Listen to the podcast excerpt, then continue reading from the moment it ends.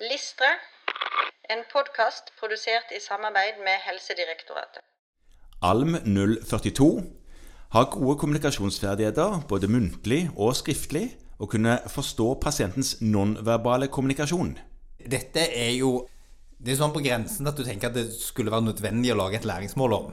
Ja, eh, det kan du si. Eh, Greit å kunne snakke med pasienten og forstå hva pasienten sier. Ja, for Det, dette er jo sånn aldeles grunnleggende. Samtidig så tror jeg det er veldig lurt at det er et læringsmål om det. Vi har vel sagt det før, at selv om det er selvsagt, eller kanskje fordi det er selvsagt, så burde det være der. Ja, fordi at disse læringsmålene skal jo faktisk si noen ting om alle områder av legelivet. Og det er jo ikke være i stand til å kommunisere muntlig og skriftlig.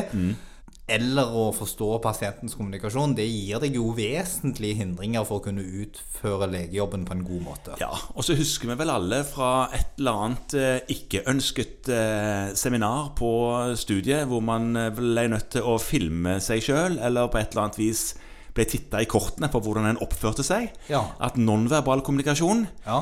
det er noe, det òg, altså. Man gjør mye rart som man kanskje ikke er helt klar over, både som lege og, og kunne oppfatte det som pasienten kommuniserer nonverbalt. Ja. Det er vesentlig.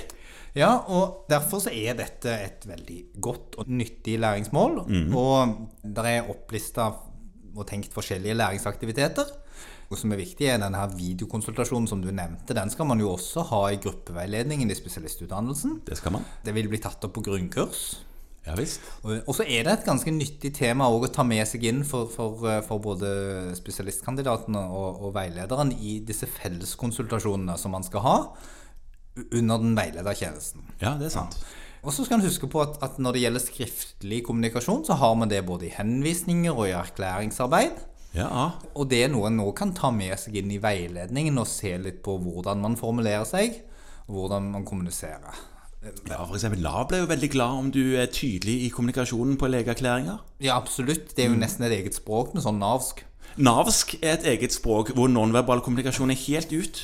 Ja. Ja, ja. fordi her sitter man jo eh, og prøver å eh, overføre alt du vet om eh, en tilstand hos en pasient over til navsk på en erklæring. Ja, og da er det kun, kun skriftlig. Sånn at det er på en måte et tema som går igjen i flere områder av særlig den veiledertjenesten. -hmm. Og det å kikke seg i kortet er viktig og lurt. Ja. Og selv om eh, de aller, aller fleste som har klart å komme seg inn på doktorskolen, har rimelig gode karakterer i norsk muntlig og skriftlig, ja. så er det litt mer enn det som går inn i dette læringsmålet når det gjelder det å bli en god kommunikator Ja, utover det å ha gode norskkarakterer. det er riktig.